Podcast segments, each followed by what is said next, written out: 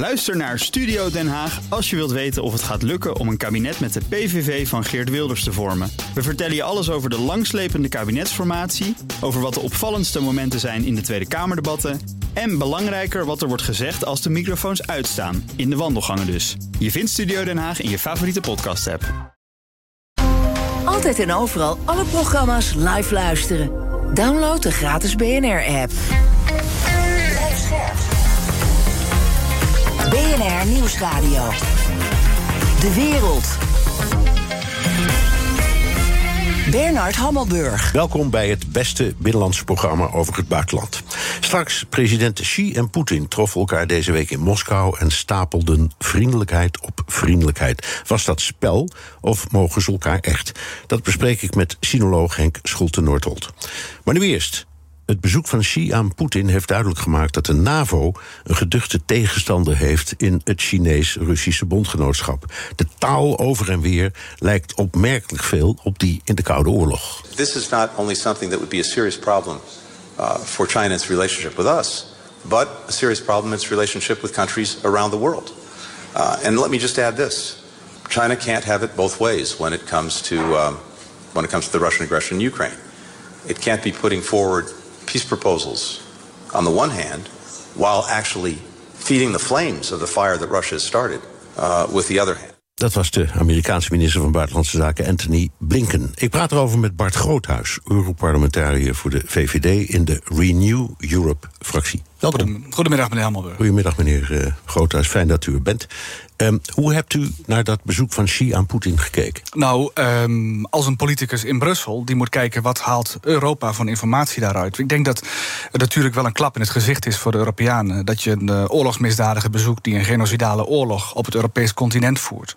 Maar ik denk belangrijker nog, als je het strategisch kijkt, denk ik dat het, de kosten voor, voor Xi wel vrij hoog zijn om dit bezoek te brengen. Kijk, uh, een van zijn hoofddoelstellingen van buitenlandbeleid is toch het, uh, het drijven van een wicht tussen de VS en de Europese Unie. Hè. In Brussel gaan de stemmen op van nou, kies nou niet uh, te veel uh, jongens voor, voor de Verenigde Staten.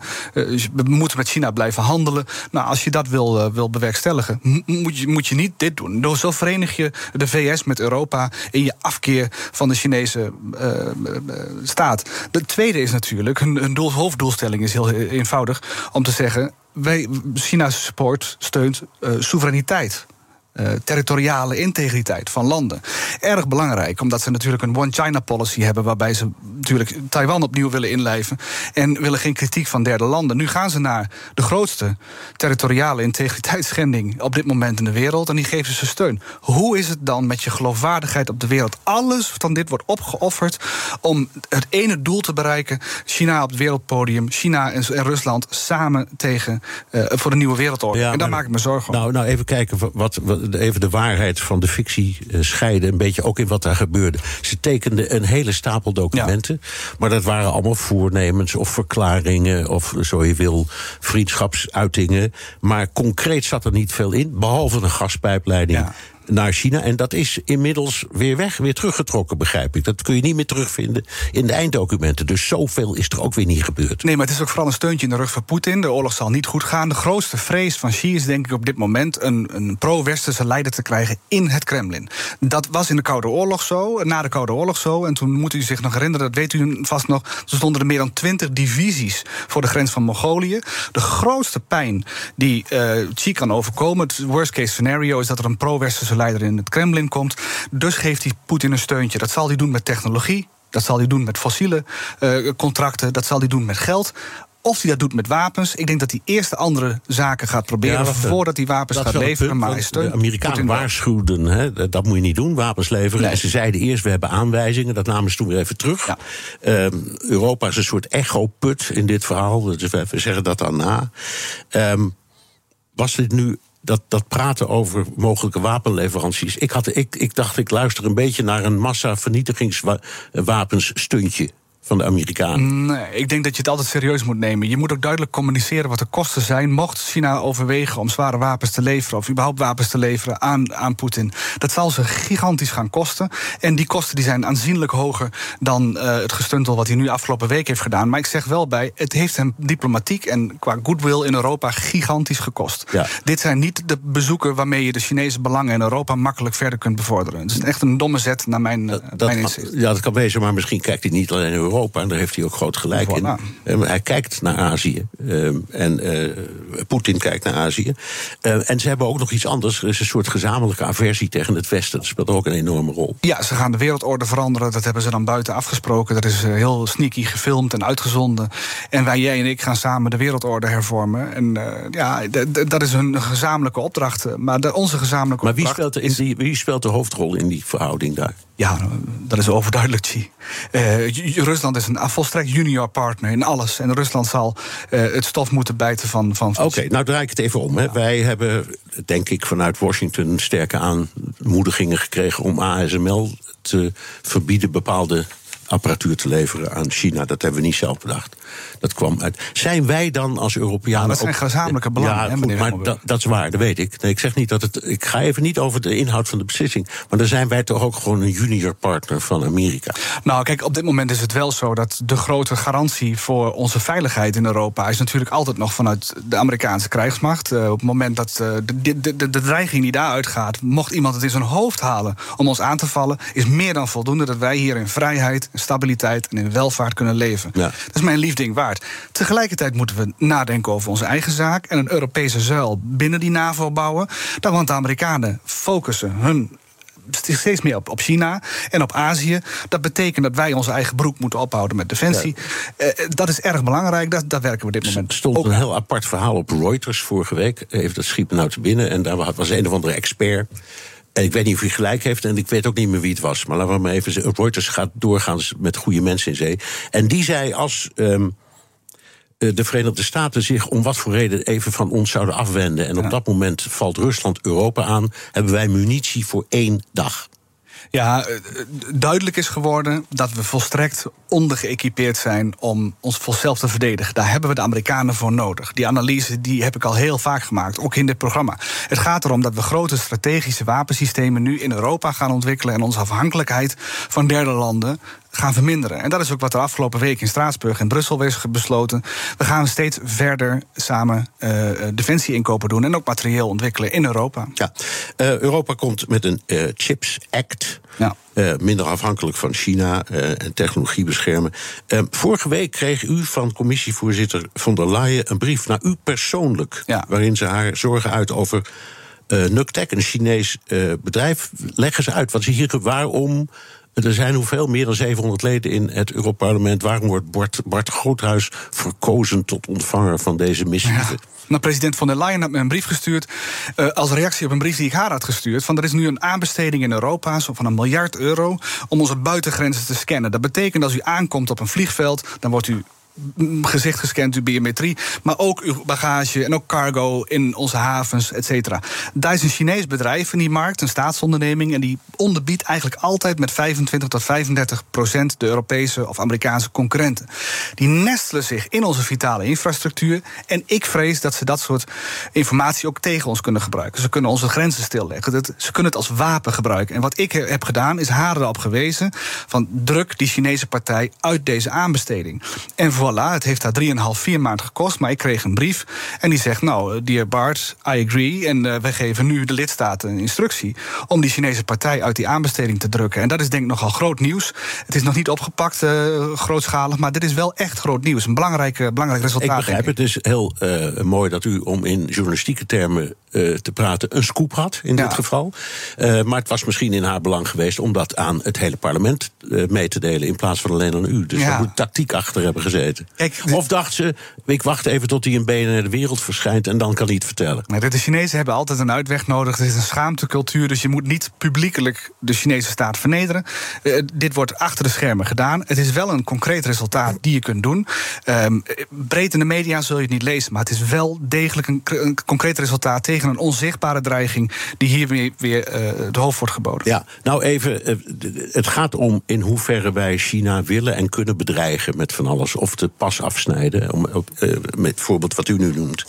Aan de andere kant, als je ziet hoe die economieën, economieën verstrengeld zijn, zitten tot in elkaars haarvaten. Ja. De Duitsers hebben autofabrieken in, in, in China. Uh, in Xinjiang, meneer Hammelburg. Ja, de grootste, de grootste afzet, de, de Amerikanen um, met General Motors, idem dito, dat zijn enorme belangen. Dus als je nu met dit soort dingen komt, hè, we verbieden één bedrijf of er mag één soort chip niet worden gemaakt met een chipmachine, dan kunnen de Amerikanen of de Chinezen toch oproepen, joh, uit op. Ja, we, we, hebben jullie al helemaal in de, in, in de tang. Het gaat niet om het volledig ontkoppelen, wel om het risico naar beneden te brengen. Dat doe je ten eerste in de vitale infrastructuur. Vandaar ook mijn brief. De mensen praten nu veel over TikTok, maar dat vind ik minder belangrijk. Ik vind het belangrijker dat nou, we kijken. Als ik u even mag onderbreken, net op dit moment, ik kijk net even op de BBC-site, en die is zelfs een live blog begonnen over de TikTok-affaire. Dus ja. dat is wel heel groot. Het leeft. En omdat mensen dat kennen en voelen. Maar er zijn ook heel veel Chinese technologie in onze vitale infrastructuur die mensen niet kennen. En waar je dus ook minder over leest. Maar dat betekent niet dat het minder belangrijk is. Het nieuwe politieke, militaire speelveld, maar ook het zenuwcentrum van onze toekomstige samenleving is 5G en 6G. Ja. Willen we daar de Chinezen een rol geven?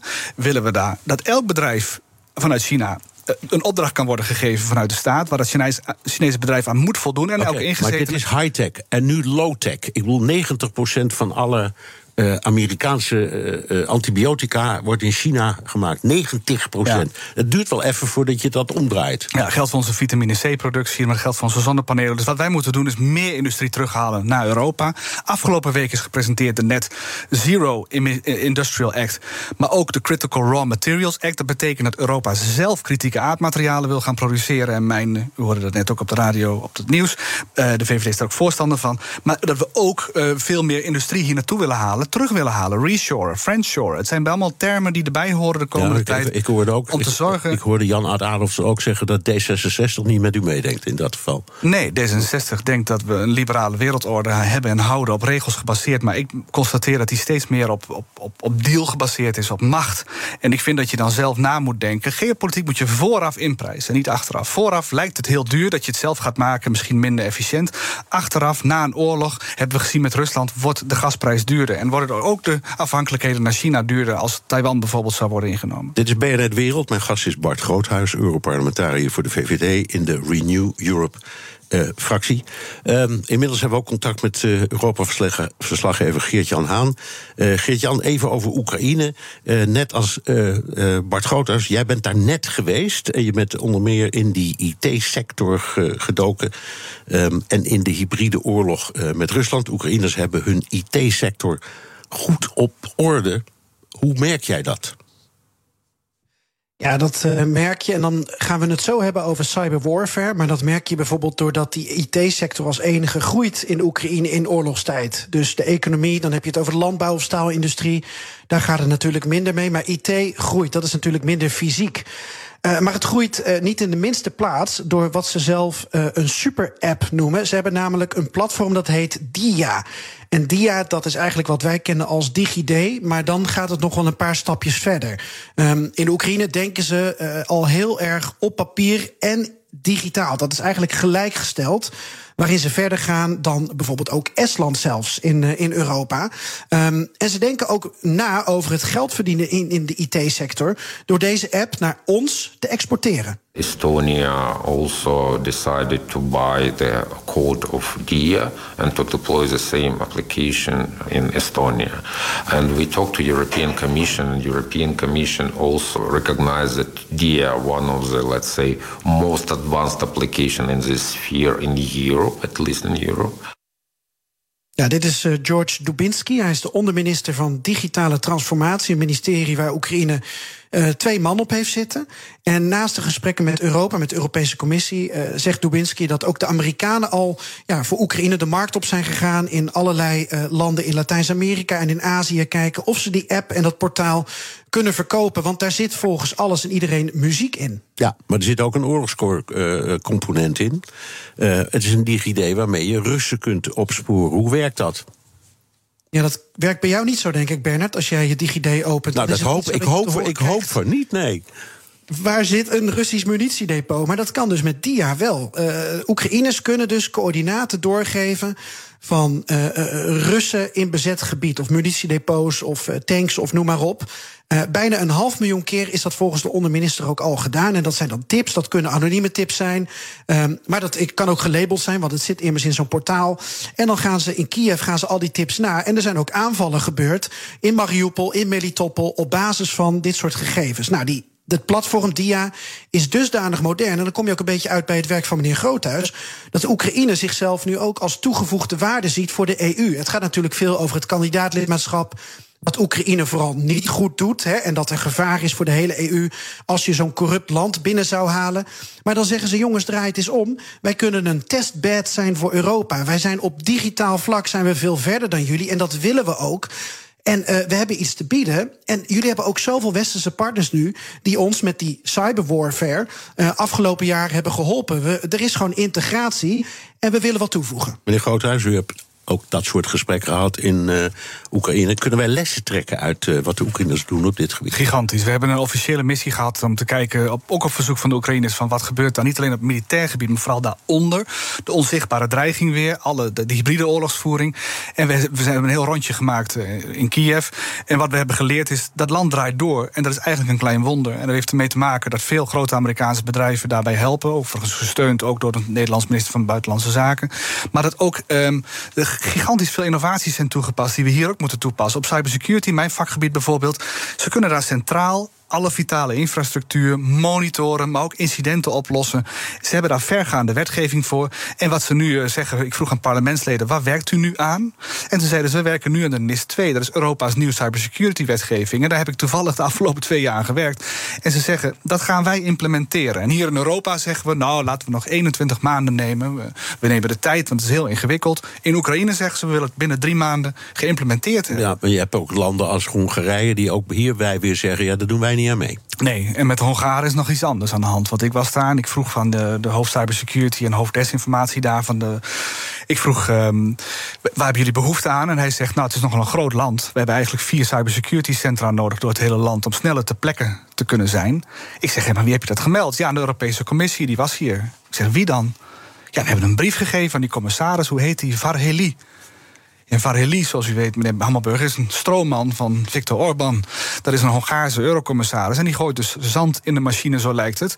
Dus ik heb dit aanhangig gemaakt bij buitenlandcommissaris Borrell... maar ook bij Vesteken en bij Breton. Maar die kunnen nog niet zoveel doen. Want het om een onderzoek in te lassen. Het is een commissaris, ja, nee, een van hun collega's. Er wordt een onderzoek ingelast na ja. een van de collega's op dit moment... om te kijken wat er gebeurd is met dus de brief. de commissie Heeft onderzoekt die... een van zijn eigen ja, collega's. En zo is het. En zo. die Hongaar, wow. er is een, een, een, risico in zichzelf. Oké. Okay. Geert-Jan, nog even tot slot. Ik begrijp dat iedereen in Oekraïne met mail in de mond praat over de rol van uh, Elon Musk. Wat is daarmee aan de hand? Ja, dat is toch wat anders dan dat nieuws dat meneer Groothuis even ja. bij ons in het programma uh, brengt. Het tweede nieuwtje al. Meneer Groothuis is goed bezig wat dat betreft. Um, ik was bij Elon Musk benieuwd naar hoe Oekraïners nou naar hem kijken. Want uh, er wordt gesproken over een dubbelrol die deze uh, investeerder vervult. Omdat hij inmiddels 42.000 van zijn Starlinks in de Oekraïne heeft zitten. Daardoor blijft Oekraïne bereikbaar. Maar ik heb het aan de onderminister gevraagd. Um, ik heb het ook aan de veiligheidsadviseur van Zelensky gevraagd. En niemand wil aangeven of hij nou een vriend of een vijand van de Oekraïne is. Ik heb zelfs gevraagd aan de veiligheidsadviseur van Zelensky: hebben we te maken met een echte Elon Musk of heeft hij dubbelgangers zoals Poetin? Nou, toen zei de veiligheidsadviseur: we denken dat het er één is.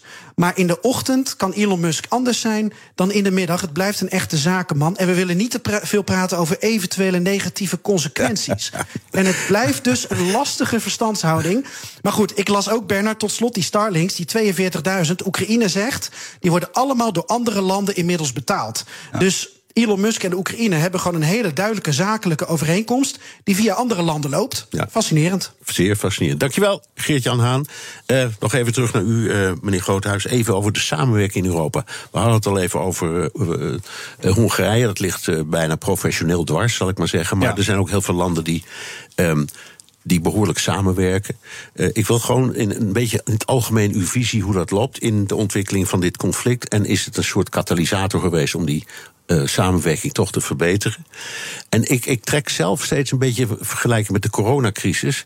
In het begin vloog iedereen iedereen in de haren. En we gingen onze eigen fondsen doen. En we gingen geen geld betalen aan andere landen. En we moesten allemaal ons eigen vaccin. En na een tijdje werd het één Europees beleid. Wat uiteindelijk ook heeft gewerkt. Zien we hier hetzelfde gebeuren bijvoorbeeld met munitie, met wapens, met strategische beslissingen over Oekraïne? Nog niet, maar de vergelijking met de coronacrisis is uh, loepzuiver. Ook daar hadden we te maken met licenties die we eigenlijk van Amerikaanse andere bedrijven leenden om hier in Europa te produceren. Oh, waar ook Jansen.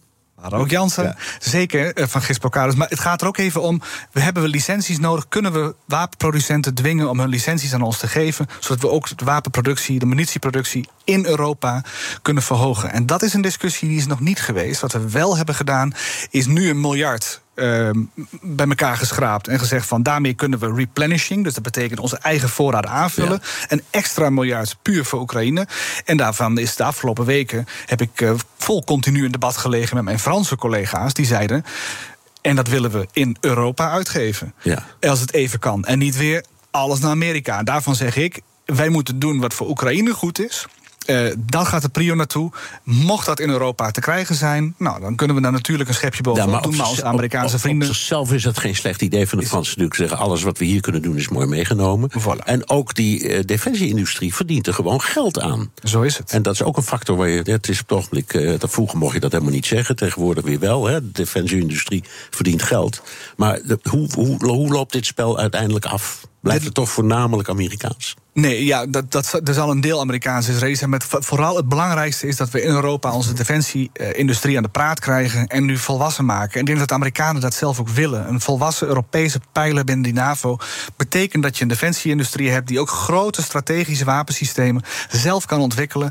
Zodat zij ook straks um, hun ogen ook meer op Azië kunnen richten. En, en wij op onze eigen achtertuin. Ik denk dat het gezond is voor de liberale wereldorde as such. Ja. Dank Bart Groothuis. Twee primeurs in een gesprek van uh, net onder een half uur. Europarlementariër voor de VVD in de Renew Europe-fractie. Ook Liesbeth Staats vind je in de BNR-app. Ja, heel handig. Luister live naar Kees en mij tijdens de Daily Move. Dan blijf je ook gelijk op de hoogte van breaking news en het laatste zakelijke nieuws. En daar vind je ook alle BNR-podcasts, waaronder de Perestrooikast. Download nu de gratis BNR-app en blijf scherp. BNR Nieuwsradio. De wereld. Bernard Hammelburg. Xi Jinping wil het liefst dat de oorlog in Oekraïne zo snel mogelijk stopt. Maar zijn bondgenoot Vladimir Poetin laat hij toch niet vallen. 我们又是呢战略协作、全面战略协作伙伴。我们啊多年来啊这种关系经受了各种风云变幻的考验，历久弥坚。 Chinese president Xi zegt dat, hij de relatie met, dat de relatie met Rusland vele beproevingen heeft doorstaan. Ik praat erover met sinoloog Henk Schulte-Noordholt. Dag Henk, goedemiddag. Dag Bernard, goedemiddag. Ja, wat viel jou op aan dat bezoek van Xi aan Poetin? Nou, overheersende indruk is dat hij echt een, eh, een, eh, bijna zou ik zeggen, een beetje plat een dikke vinger opsteekt naar het Westen. Want er waren natuurlijk nog veel mensen die dachten van nou, hij gaat misschien nog een middelende rol spelen in het conflict. Ook omdat uh, die oorlog in economisch opzicht natuurlijk niet goed is voor, voor China. Maar andere zaken prevaleren. Zoals uh, de nationale veiligheid van, van, uh, van het systeem van, van Rusland, wat in China ook aanwezig is, de, de, de eenpartijstaat, zeg maar. Dat is heel belangrijk. En ehm, de, de persoonlijke band tussen de twee heren. Um, dus die, het, valt, het die lijkt goed. Die, die, lijkt goed. En dan, dan, dan moet je altijd de vraag stellen: is dat nou gespeeld of is dat echt? Hoe zie jij het? Ik, nou, ik weet dat ze elkaar veertig keer hebben ontmoet. En dat wel meerdere wereldleiders Xi Jinping een dierbare vriend noemen, maar dat hij datzelfde terug zegt, hetzelfde. Maar bij Poetin doet hij dat wel. Dus er is ook kan, maar kan dat, eh, ook, kan dat ook zijn omdat hij van Poetin minder te vrezen heeft dan sommige van die andere wereldleiders?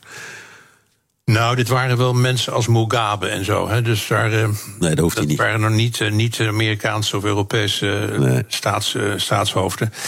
Nee, het is, het, er, er, is iets, er is ook iets authentieks. Hij, kijk, in, in, Rusland of in China is er een, een, een, een narratief binnen de Communistische Partij. Dat een van de grootste rampen van de vorige eeuw was de val van de Sovjet-Unie. Dat heeft Poetin natuurlijk ook gezegd. En dat, daar hamert hij regelmatig op in zijn speeches voor het partijkader. Want hij ziet, dat ziet als een doemscenario natuurlijk, dat het hem ook overkomt op de Chinese Communistische Partij. Dus dat Poetin nu terugslaat. En dat niet langer pikt, zoals hij het dan ziet, maar als een man opstaat en zegt deze, deze oprukken van de NAVO en de bedreiging van onze veiligheid, nu, nu is het genoeg. Dat, is, val- dat bevalt hem zeer en past ook in het narratief van de Chinese Communistische Partij, die er ook continu beducht voor is dat de Amerikanen met name uit zijn op regime change. Ja, maar dus, dus dat uit zich in, inderdaad, als ik jou goed begrijp, best welgemeende vriendschap. Het is, en, ze vinden Ja. elkaar om allerlei redenen en dat brengt mensen bij elkaar. Hoe zit het met de volkeren? Hoe, hoe kijken de Chinezen hiernaar en, en, en de Russen naar de Chinezen? Ja, mijn ervaring van vele jaren daar wonen is dat ze dat, dat vanuit Chinese kant in ieder geval eh, ze weinig op hebben met Rusland. Vinden ze toch maar wat simpele boeren. Niet zo sophisticated als de, als de westerse eh, mensen, de westerse cultuur, de westerse films. Er is weinig love lost. Misschien wel in het noorden, een beetje in die grensgebieden. Maar gemiddeld gesproken is dat een wende die niet gedragen wordt of populair is in, in, onder het Chinese volk. Nee, nee, nee. Ik, nu het zo zegt, ik denk ook als je de Chinezen ziet in China. dan als ze al iets imiteren, dan is het het Westen. In hun kleding, in hun eh, kapsels, in hun auto's, in weet ik wat allemaal. Dat, dat is typisch Westers helemaal. Er zit niets Russisch in. Nee, dat vinden ze een beetje achtergebleven. Ze zijn ook op de hoogte van het feit hoe achterlijk het is, economisch. Niet, nee, geen grote bedrijven, nee, er is weinig bewondering voor. Het is echt van bovenaf gestuurd om, ja, om die reden die ik net noemde. Ja. Hetzelfde systeem en de angst voor het Westen. Ja. Ehm, je, je zou kunnen zeggen, eh, Xi heeft Poetin misschien ook wel nodig. Is dat zo? Eh, want Rusland is maar klein, als je naar de economie kijkt bijvoorbeeld. Dus waarom maakt hij zich op dat punt zo druk? Ik denk dat hij niet wist van de inval. Er zijn er meer bronnen die zeggen dat hij het wel wist. Hè, toen Poetin vorig jaar in, eh, in Peking was. Dat hij het wel gedeeld zou hebben met Xi Jinping. Dat Xi Jinping gezegd zou hebben: doe het even na de Olympische Spelen. Want anders breng je ons in verlegenheid. Oh, dat was toen, dat toen hij- ze zo gezellig aan een barbecue Ja, ja, ja. pannenkoekjes De stonden te bakken. Ja. Ja, ja. Vriendschap zonder grenzen werden eruit geroepen. Ik denk dat hij het niet wist, maar eenmaal nu die situa- situatie is zoals die is, dat hij niet meer terug kan. En er, zijn ook voordelen. Eh, de voordelen is dat het, ja, het proces van, van eh, dat Rusland de vazalstaat van, van China wordt, wordt versneld. De 40% van de Russische import komt uit China. En daar wordt een renminbi mee afgerekend, dus lokale Chinese geld. Eh, bedrijven die westerse bedrijven hebben achtergelaten of voor een appel en ei moeten moeten verkopen toen ze Rusland uitgingen, worden nu door de Chinese bedrijven opgekocht. Dus er zijn allerlei eh, voordelen eh, waardoor de, ja, de status van de vazalstaat wordt versneld. En dat is ook goed, want stel je voor dat er een pro-westers regime in Rusland aan de macht zou komen. Rusland en China delen meer dan 4000 kilometer gemeenschappelijke grens. Dat, zou echt dat is een nachtmerrie. En dan zouden schijnwerpers toch wel, laten we zeggen, van de westerse wereld scherper worden gericht op China Ja. dan, dan nu. Ja, er zit nou, daar een nou, buffer tussen, als het ware. Ja, nou waren de Chinezen niet zo uitgesproken als nu onder Xi eh, in, in het verleden. Maar laten we zeggen, Nee. de leiders moeten zich dan in de periode van Gorbachev helemaal kapot hebben geërgerd. Ja, zeker. Gorbachev is, is een boeman en ook negatief lesmateriaal. Van eh, hoe hij een groot rijk heeft eh, omge- de nek omgedraaid. Omdat niemand mans genoeg was, ik citeer een speech uit Xi Jinping, mans genoeg was om zich te verzetten. Ja. dat, dat is, wordt me voorgehouden. Maar het gaat nog verder terug, Bernard. Dat gaat naar de jaren 50 terug. Toen had je meneer Khrushchev die aan de macht kwam. En die met Stalin afrekende. Destalinisatie. Ja, dat er, en toen kreeg je plotseling. Liep, stonden in China allemaal onafgebouwde fabrieken en kerncentrales. van de Russen die van de ene op de andere seconde waren verdwenen. Exact, de grote breuk van 1960. Ja. Maar ideologisch eh, was, was dat een, een doodzonde wat Khrushchev deed. Eh, want hij maakte zich schuldig aan historisch nihilisme. Dat wil zeggen, als je de fouten van de partijen, van voorgangers... Van, die toen aan de macht waren, blootlegt... dan breng je ook het systeem zelf in discrediet. En dat is wat men in China iedere prijs wil voorkomen. Daarom is onderzoek en openbaarheid over de culturele revolutie... waar Mao natuurlijk een duistere rol speelde, ook verboden. Dus je kunt niet, anders ga je het systeem zelf ter, ter, ter discussie stellen. En dat is uit den boze. Ja, en dat was natuurlijk in wat er in die. Uh, ik zeg bijvoorbeeld in de Tiananmen-rellen speelde ook. Hè. Daar werd ook het systeem ter discussie gesteld door de opstandelingen. Zeker, die zeiden dat dit werkt niet en die namen een voorbeeld aan, aan, het, aan het Westen. Ja. Dat was een groot replica van het vrijheidsbeeld. Ja, nou, wat we niet kunnen zeggen is dat Xi gelukkig is met die oorlog. Hè? Dat kunnen we rustig vaststellen. Dat vindt hij ook niet prettig. Uh, dat komt hem slecht uit. Uh, Zelensky is wel nieuwsgierig naar hem. Die wil best met hem praten. Tenminste, dat, laat hij steeds uh, weten. En, en dan viel mij op dat dat uh, Xi in, in, in die persconferentie, voor hoe je het ook wil noemen, uh, het woord oorlog niet gebruikte. Hij sprak over een conflict. Maar hij noemde het niet een oorlog en ook niet een speciale militaire operatie. Dus hij koos geen van de beide frames, zal ik maar zeggen. Was dat nou bewust om te laten zien: ja. ik ben neutraal? Ik las, ga zelfs verder. Wat ik gelezen heb, eh, dat, dat de staatsmedia van Rusland en China heel nauw samenwerken. Waarbij eh, bijna één op één het Russische narratief in, in China wordt gebruikt. Dus daar, het woord oorlog is taboe. Ehm, conflict, nou, uh, of crisis heb ik gelezen. Conflict heb ik niet. Ah, crisis, ja. Nee, dan, ik heb, ja, je hebt gelijk. Ja. ja. Dus dat is, dat is een volledig samenspannen van, van het brengen van het narratief. Ja. Om, om de Chinese bevolking ook op, ja, die dat ook grotendeels voor zover geïnteresseerd zijn bij onze politiek, maar dat ten tweede. Maar dat uh, voor de zoete, ja, zoete koek aannemen. Dit is BNR De Wereld. Mijn gast is sinoloog Henk Schulte-Nordholt. In the European Chips Act we are combining investment, regulatory framework and the necessary strategic partnerships to make Europe a leader in this market ja. Dat is zo important. Dat zegt uh, Ursula von der Leyen, voorzitter van de Europese Commissie. Uh, een van de manieren om uh, maatregelen te nemen tegen China is de bescherming van de chipmarkt, zegt ze. Ja. Ehm, we hadden hier net in de studio Bart Groothuis van de VVD. Die, die wil nog wel feller optreden van het West tegen mhm. China. Um, en er is ook een tendens die aan het ontstaan is. Is dit vervelend voor Xi, wat er nu allemaal gebeurt? Ja, heel vervelend. Bovendien een bron van grote irritatie. Hij heeft het volkscongres wat net gehouden is ook nog eens uitgehaald. Heeft voor het eerst heel specifiek tegen Amerika gericht. Dat Amerika zich schuldig maakt aan containment, inperking, omsingeling en onderdrukking. Nou, dat, dat, dat heeft hij nooit zo rechtstreeks tegen Amerika gezegd. Ze zien het bepaald net zich sluiten. Uh, blokvorming wordt dat genoemd. Die tegen die China, de opkomst van China willen uh, ja, frustreren. Dat is het narratief wordt niet, natuurlijk niet de hand in eigen boezem gestoken dat dat een reden heeft. Um, en daar, en steekt men miljarden in om een eigen chipsindustrie te ontwikkelen. Maar dat schijnt heel moeilijk te zijn. Dat kun je niet zomaar van de grond tillen.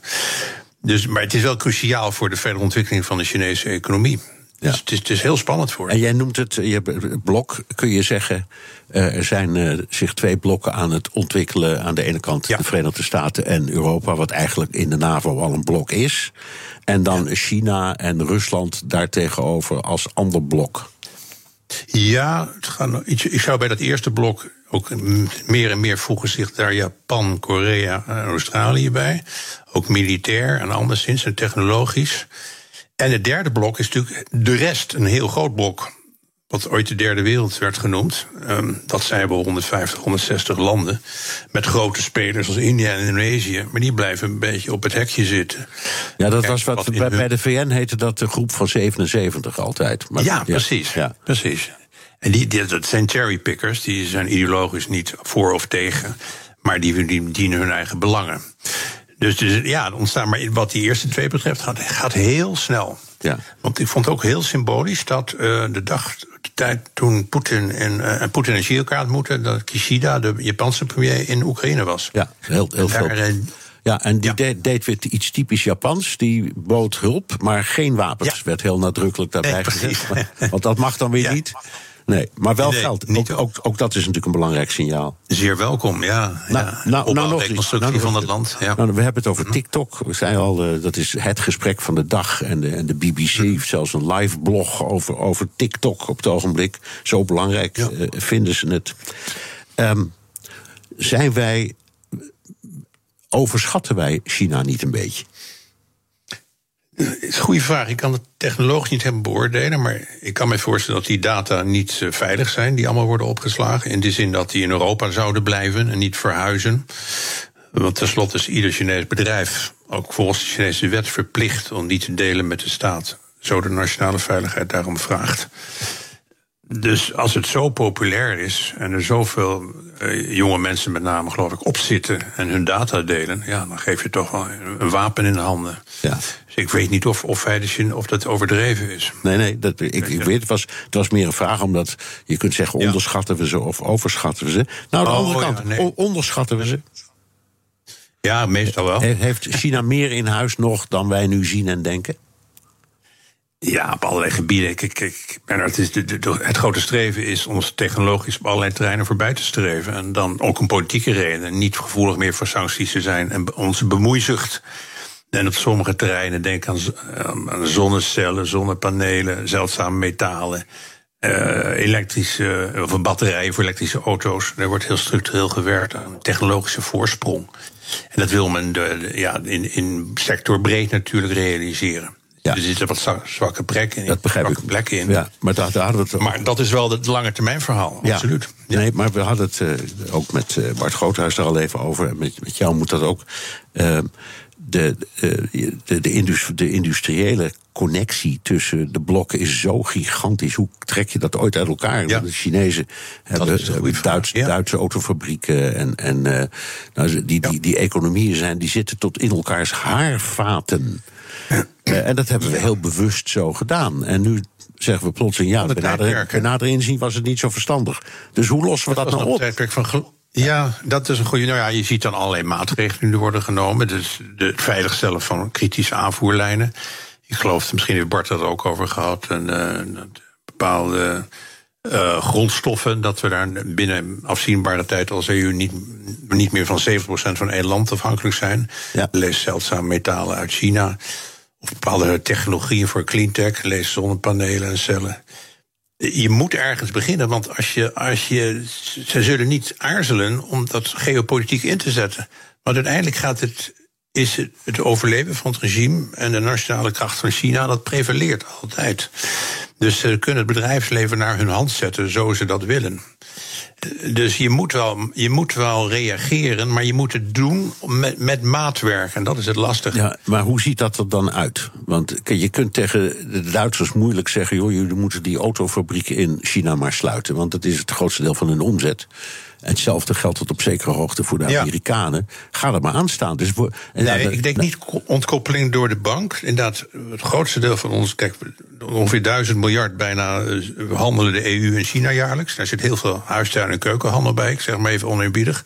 Ja. Maar waar, waar je wel naar moet kijken is als technologie gevoelig is, met name als militaire toepassingen kan kennen. Dan moet je daar wel maatregelen op treffen via exportvergunningen. Nou, denk aan ASML bijvoorbeeld, dat hebben we net meegemaakt. Je moet misschien iets voorzichtiger screenen welke Chinese wetenschappers aan onze universiteiten werken. Er is een pakket van maatregelen de, zogenaamde toolkit van de EU, de instrumentendoos die ze inzetten. Maar ze proberen het alle lidstaten die volgen. Uh, maar het is, het, is, het is maatwerk en het is voortschrijdend inzicht. maar je moet wel ergens beginnen. En, en, en nogmaals, niet door de bank zeggen: ja, dan mogen we niet meer China investeren en ook niet omgekeerd. Nee, dat is wat, hoe je het moet doen. Ja, maar goed, ik kan me voorstellen dat de Chinezen op een bepaald moment zeggen: ja, jullie zijn uh, een soort van cherrypicking-achtige politiek aan het toepassen. Dat pikken wij niet ja. meer. Dus, nee, de, de, dus ja. weg met jullie. Dat zou kunnen gebeuren. Er zijn ook mensen die denken dat ze binnenkort met zonnepanelen of cellen iets gaan doen. Ja. Want zij daar de, de, de, de wapens in handen hebben. Nou, er is eigenlijk Dat maar zou kunnen. één concluderende vraag dan. Uit, eh, kunnen wij uiteindelijk als westers blok op tegen China en Rusland als eh, Eh, ja, dat kunnen we zeker. Omdat we, ja, dat is mijn overtuiging, wel een, een superieur politiek systeem hebben. Ik denk dat wat meneer Xi probeert, die totalitaire staten, dat niet een lang leven is beschoren. Het gaat, het gaat veranderen daar. En, en hij kan er niet allemaal naar zijn hand zetten. Maar tot die tijd moet het wel, wel uitzingen. Maar, maar ja, uiteindelijk zijn we sterker. Nou, dat is opwekkend. Dankjewel, sinoloog Henk Schulte-Noordholt. Postma in Amerika. Tijd voor het Amerikaanse nieuws door de ogen van onze correspondent Jan Postma in New York, begrijp ik. Jan, je zit daar bij de Ja, rechtbank. Want daar wacht de hele internationale op het eh, pers op het moment dat bekend wordt of Trump wordt gearresteerd of vervolgd. Hoe is het daar? Ja, ja, nou ik zit nu, je hoort even eh, het espresso of het eh, cappuccino-apparaat... zit even in de lobby van het hotel voor een betere verbinding. En er is wel wat teleurstelling hoor, want ik was daar net eventjes wezen kijken op dat pleintje. En eh, ja, net weer bekend geworden dat het vandaag waarschijnlijk ook niet gaat gebeuren. Dus dan wordt het ook niet vrijdag waarschijnlijk, want dan komt die grand jury niet bij elkaar. Dus dan wordt het volgende week. En er staan daar zo'n nou, 100, misschien wel 200 journalisten... een heleboel camera's, zendwagens, jagende verslaggevers... hoop politie ook. En meestal dan maar een handjevol demonstranten. Dus het is een raar sfeertje daar. Eh, de, de demonstranten die er zijn, die willen ook heel graag even voor de camera verschijnen. Dus die dossen zich helemaal uit in Trump-kleren. Eh, er was iemand als een rat verkleed. Er was een anti-Trumper met een luier. Met een, en, en die had een Trump-masker op. Dus het is echt een beetje een circus. En er gebeurt dus maar niks. En ja, dat komt natuurlijk allemaal omdat Trump riep... dat hij dinsdag gearresteerd zou worden. Toen dacht iedereen van, nou, dan moeten we daar voor de zekerheid toch sowieso zijn. Ook al wisten we toen al dat Trump dit ook maar een beetje uit de losse pols zei. Ja, dus ja, ja. eh, rare dynamiek. Ja, begrijp het. En voor ons is het altijd moeilijk kiezen als journalisten. Want ja, zoals jij ook, je gaat toch maar kijken. Hè? Ja, je wil het ook niet missen. Ja, je wilt het Dus, ook niet eh, missen. Ja, zo is het dan ook. Ja, hey, en, en sommige van die demonstranten die voeren daar een act op, wat eigenlijk helemaal niet eh, van echt, bij echte demonstranten hoort. Vertel. Ja, dat is echt wel raar. Eh, Die, die doen een soort eh, ja, een parodieprotest, noem ik het maar even. Ik heb nu al een paar keer gehad dat er een heel opvallend figuur wel heel gekke dingen zei. En dat ik dacht, ja, hier klopt toch iets niet. Dit is niet echt. En in één geval gaf die persoon wel zijn echte naam. En toen zag ik dat dat een comedian is die wel vaker Trump-supporters persifleert. En die vergroot dan alles uit, eh, zegt dan dingen die Trump-supporters zeggen, maar maakt het nog net even wat, wat groter en zet het nog wat meer aan.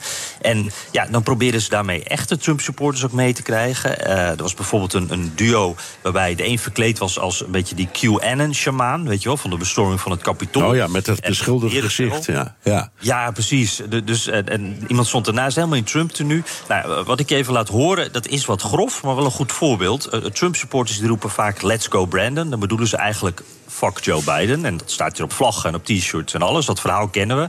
Nou, deze twee mannen maken dat net even wat te letterlijk. We're gonna fuck Brandon today! Stand it up! Yeah!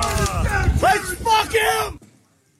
Ja, eh, het is eigenlijk een, een commentaar op de Trump-supporter dit, maar ook op de media. Want er waren toch een paar journalisten die deze mannen serieus interviewden. En je ziet wel vaker dit soort types, mensen die de boel een beetje voor de gek willen houden. Maar hier zijn dus, ik weet niet of de stad is, Bernard, New York, maar er zijn heel veel parodieprotesten hier. Ja, nou, ik, ik, ik had het nooit eerder gezien. Althans niet op die manier. Ja, hooguit in de carnavalstijd. Maar niet op deze Zo manier. voelt het ook een beetje. Ja, het is heel apart hoor. Ja, en dit taalgebruik is in het algemeen ook in het openbaar niet, eh, niet zo eh, voor de hand liggend, zal ik maar zeggen. Hè? Nee, en dat maakt het dus ook een beetje raar. Want die eh, eh, Trump-supporters die zetten het soms wel op t-shirts en op vlaggen... maar die zeggen dat meestal niet zo. Dan is het toch let's go Brandon. En nu wordt het dus zo geroepen en, en dan maken ze het nog even wat heftiger... en dan proberen ze dus ook wat te provoceren. Oké, wat anders. Trump heeft een wat onheilspellend klinkende nummer 1 hit te pakken. Ja, dat is eh, nummer 1 in de lijst van gedownloade liedjes van de Billboard-lijsten. Justice for All heet het eh, nummer. En het is een soort duet van Trump met eh, het January 6 Prison Choir. Dat bestaat. Er zit een hoop bestormers van het Capitool vast in een gevangenis in Washington. En die zingen elke avond om 9 uur het volkslied. Want zij vinden zichzelf politieke gevangenen. Trump vindt dat ook. Nou, die gevangenen hebben via de telefoon het volkslied ingezongen. Dat is samengevoegd. Trump is daartussen gezegd, gezet. Die doet de Pledge of Allegiance. En dat klinkt dan zo.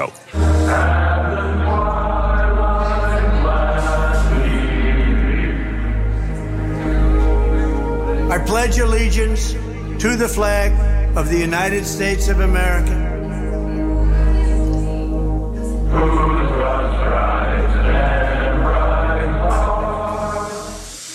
Ja, zo gaat dat dan nog even door. Het klinkt echt, vind ik, een beetje bizar en onheilspellend. Maar dit nummer staat dus bij de download uh, top, top 100 staat hij op 1.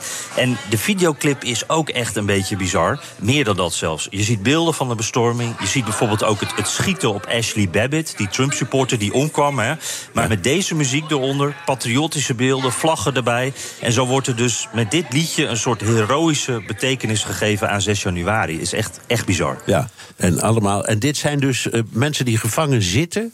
Uh, naar aanleiding van die bestorming. Van 6 januari, van die bestorming. Ja, die zitten allemaal in één gevangenis in Washington. Nou, weer wat geleerd. Het 6 januari-koor. Dat kennen we nog niet. Ja. Dank, Jan Postma. Onze correspondent in Washington. Wilt u meer horen over dat fascinerende land? Luister dan naar de Amerika-podcast van Jan en mij. En tot zover BNR De Wereld. Terugluisteren kan via de site, de app, Spotify of Apple Podcast. Reageren kan via een mailtje naar dewereld.bnr.nl. Tot volgende week. Bij BNR ben je altijd als eerste op de hoogte van het laatste nieuws. Luister dagelijks live via internet. Bas van Werven. En heel langzaam komt de zon op rond dit tijdstip. Je krijgt inzicht in de dag die komt op BNR, het Binnenhof in Nederland en de rest van de wereld. De Ochtendspits. Voor de beste start van je werkdag. Blijf scherp en mis niets.